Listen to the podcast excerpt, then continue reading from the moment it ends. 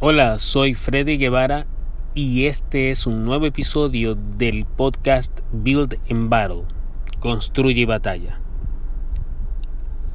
Hoy quiero hablarles de una historia, porque recuerda que a veces aprendemos con historias que traen un mensaje o como le decimos una moraleja para aprender las lecciones de la vida.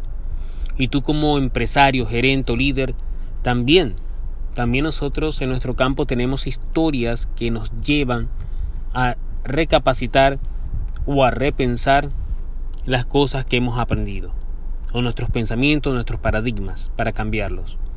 Hoy tengo una historia que nos va a ayudar a aprender a ser un mejor empresario, un mejor gerente, un mejor líder.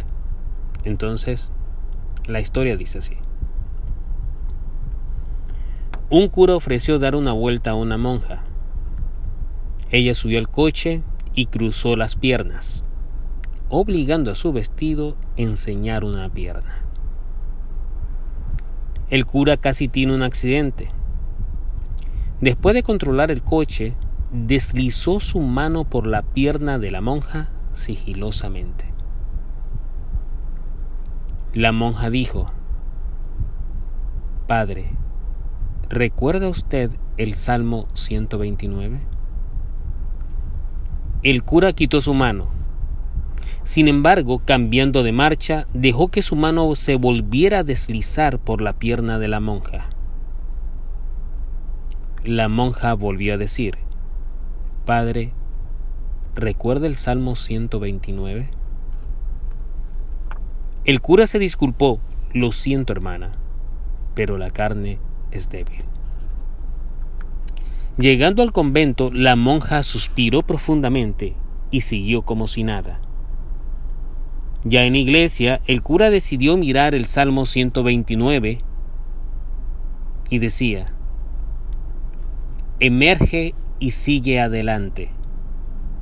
Más adelante encontrarás la gloria. ¿Cuál es el mensaje de esta historia simple, que si no estás bien informado en tu trabajo, las oportunidades que tengas para avanzar y evolucionar pasarán de largo enfrente de tus ojos. Todo empresario, gerente y líder tiene que estar bien informado de lo que pasa en su industria, en su mercado, en su propio negocio.